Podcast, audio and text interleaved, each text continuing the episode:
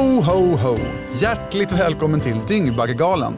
En podcast sprungen ur Instagramkontot med samma namn där jag, Leo Vene, sedan hösten 2017 har kastat ett ljus över roliga, mindre roliga och ibland rätt jobbiga ögonblick i svensk tv och sociala medier. I den här podden så listar jag mina favoritögonblick i olika subkategorier. En podd för dig som gillar listor helt enkelt. Jag heter Leo, hjärtligt välkommen till Dyngbaggegalan. Dagens lista, den fjärde i ordningen, har jag vikt åt våra älskade experter. De finns lite överallt, inte minst på internet, av varierande kvalitet. Fördelen med experterna på internet är att de inte begränsar sig till att vara experter inom ett visst område, utan att de kan en massa olika saker. Ta bara covid-19 till exempel. Jag menar, hur många epidemiologer hade vi inte plötsligt 2020? Och hur många migrationsexperter har vi inte på sociala medier året om? Svaret är många. Och jag har valt ut mina favoritexperter.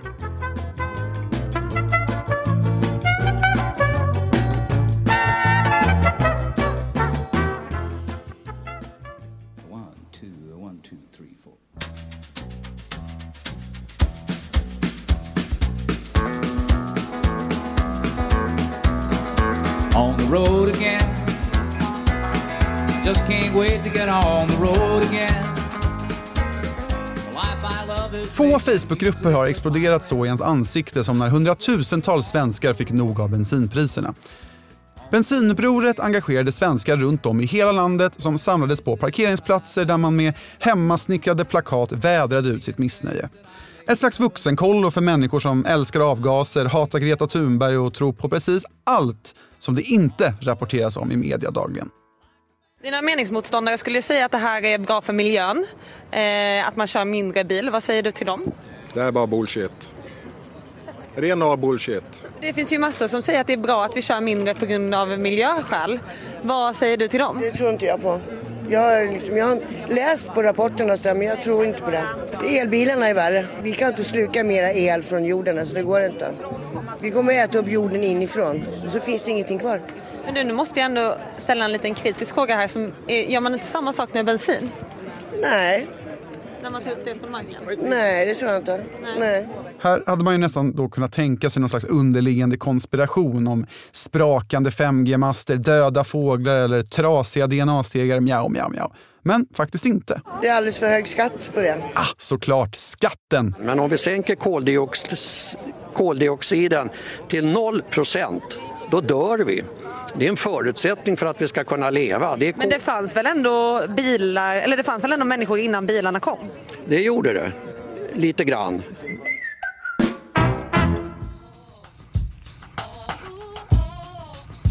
I juli 2019 så driver den amerikanska hiphopartisten ASAP Rocky runt på Stockholms gator med sitt tuffa entourage efter en spelning på festivalen Smash.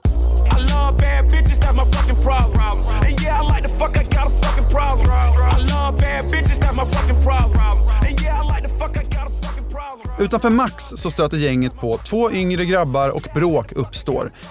I enlighet med tidens anda så fångas allt sammans på film och eh, rapparen själv lägger upp ett inlägg på sin Instagram i något slags tafatt försök att på förhand rent få sig själv. Just for the cameras, we don't want no problems with these boys. They keep following us. We don't want no problems with these boys, they keep on following us. Vad ASAP Rocky glömde att nämna var att han också klippt bort välvalda delar. Bland annat när han själv sprang omkring med en krossad glasflaska i handen och sparkade en av killarna i huvudet. Men folk ser i alla fall den här filmen och i och med att brottsoffret råkar vara invandrare så uppstår plötsligt en helt osannolik allians där nationalister och Sverigevänner tar den svarta amerikanens parti. Till och med Donald Trump, känd för sitt engagemang för just svarta i USA, lägger sig i och vet precis allt om svensk straffrätt. Ja, till hans försvar så verkar plötsligt hela Sverige veta precis allt om svensk straffrätt. En av alla dessa var den till åren komna supporten Gunnar som visade sitt stöd, på engelska, utanför tingsrätten, iklädd uppknäppt hawaiiskjorta och vattenkammat hår. I think the was embarrassing with those Swedish, so-called Swedish punks that were attacking him for a long while. We saw that on TV, and of course Rocky lost his temper. He got had enough of it. Threw that little idiot on the ground, which is good. ASAP Rocky dömdes så småningom till villkorligt för misshandeln och vi har sökt Gunnar för att höra vad han tycker om domen så här i efterhand, men han har inte gått att nå.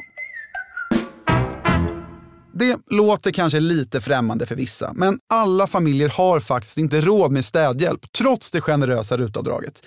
Vanlisar tvingas både dammsuga och tömma tvättmaskiner helt på egen hand. Däribland Jonny, som i programmet Lyxfällan visade att han tog familjens hushållssysslor på största möjliga allvar. Nu vill jag att ni båda uppskattar hur mycket timmar ni en vanlig vecka bidrar med in i det här hemmet. Hushållssysslor då. Malin, fyra timmar. Jonny, 18 timmar. Nästan tre timmar varje dag. Jag tycker det låter lite mycket. Det är för mycket. Diskmaskinen tar en timme. Ja, men den kör ju av sig själv. Ja, men så det är fortfarande du plocka ur och plocka i.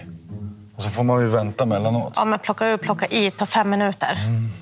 Menar du alltså att du räknar tiden som själva diskmaskinen går? Ja. Som Varför ska jag inte räkna med den tiden för?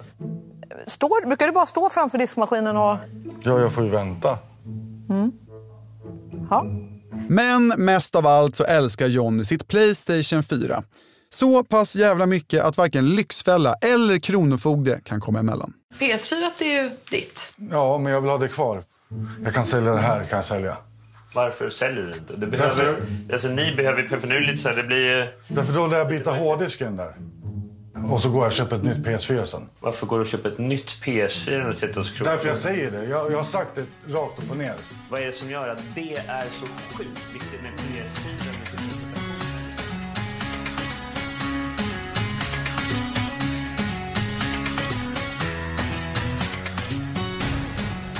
Rena rama grekiskan är ett gammalt svenskt uttryck som används för att beskriva någonting som vi inte förstår. Man får väl anta då att det beror på att grekiskan och framförallt det grekiska alfabetet skiljer sig en del från det svenska. Men det är inte alla som har problem med grekiskan. Hockeyspelaren Fredrik Claesson till exempel, som 2011 lät sin dåvarande klubb Djurgårdens IF hänga med på en rundvandring hemma hos familjen och gav då smakprov på sina språkkunskaper. Så har vi vårt lilla citat här då. Carpe diem. Det är vår familj som tycker att det behöv, behövs. Vi har det som trevlig helg då, tycker vi att det, det betyder det. det. Det betyder det på grekiska tror jag det var. För oss. Kanske inte för alla, men för oss. Innan covid-19 så visste nog inte allt för många i den breda massan vad det innebar att vara statsepidemiolog. Och inte fan vet väl jag vad en forensisk generalist gör eller en inspicient. Det finns helt enkelt jobb som inte är allt för lätta att förstå. Som Rickards till exempel. Nu varnar branschorganisationen Transportföretagen för att det kan bli brist på bussförare. Under de närmaste åren behöver över 7 000 bussförare rekryteras samtidigt som många går i pension. Har vi brytare där vi kan öppna dörren utifrån? Rickard Ekström har varit busschaufför sedan i mars.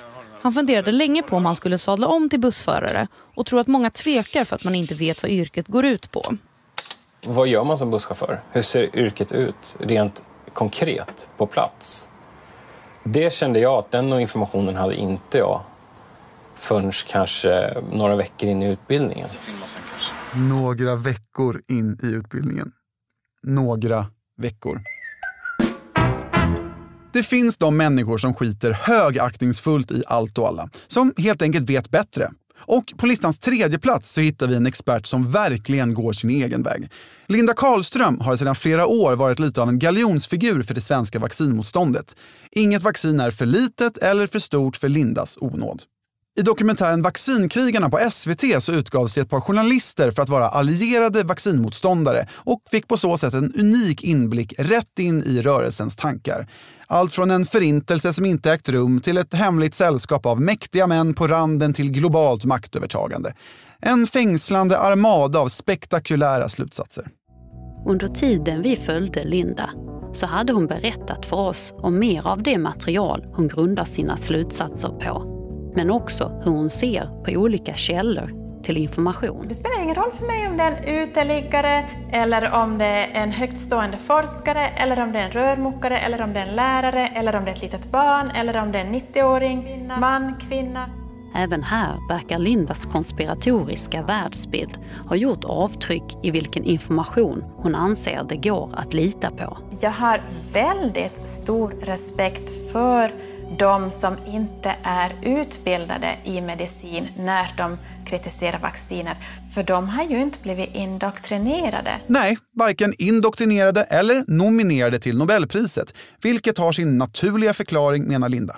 Alltså det här, de här skulle ju aldrig finnas med i Nobelpriskommittén som nominerade. Men det säger ju ingenting om deras kvalitet. Nej, nej, nej. nej. Alltså det, säger, det är bara det att de här är ju inte politiskt korrekta. Men, men just därför så är det så att de, de har någonting intressant att komma med. Ja, säga vad man vill om Linda, men nog har hon något intressant att komma med i alla fall. På andra plats finner vi centerpartisten Eskil Erlandsson. Ja, samma Eskil Erlandsson som så sent som 2019 åtalades för tre fall av sexuellt ofredande. Men frikändes efter att ha bortförklarat sitt ovälkomna tafsande på politikerkollegornas lår med att han råkat komma åt när han stretchat ut sina fingrar. Ja, den Eskil Erlandsson stod sommaren 2008 inför Sveriges riksdag, då som jordbruksminister och fick då frågan om det inte var dags för ett totalförbud mot sex med djur och fördjupade då aningen grafiskt sina tankar kring hur det är att betäcka ett djur. Det blir en bedömningsfråga i sista hand vad som är ett sexuellt nyttjande av djur. Och låt mig då ta några exempel. Är det och ska det vara lagligt att eh, på ett kön stryka på något som för exempelvis en hund smakar eller luktar gott? För att låta denna hund eh, slicka av det som är påstruket på kön. nej, Ska det vara tillåtet att nej Eskil. smeka en hundtit? Nej! Göm alla hundar.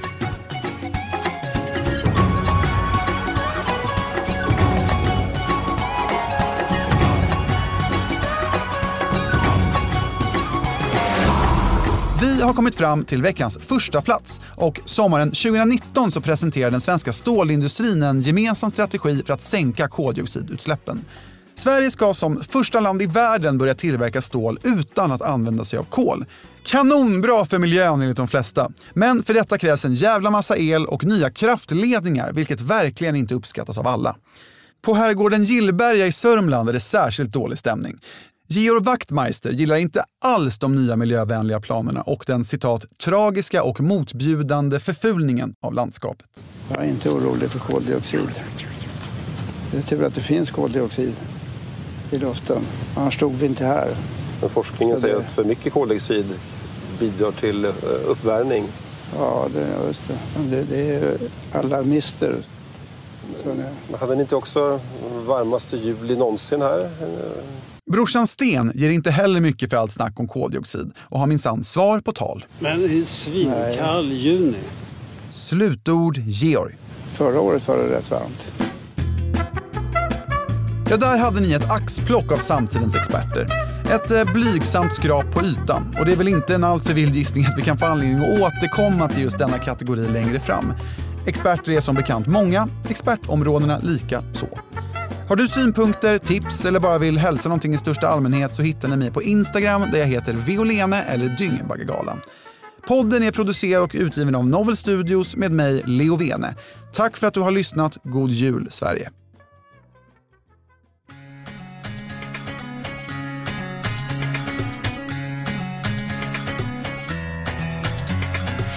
Μήπως φταίει η νύχτα, μήπως το φιλί Που κάναν το βλέμμα σου να είναι φυλακή.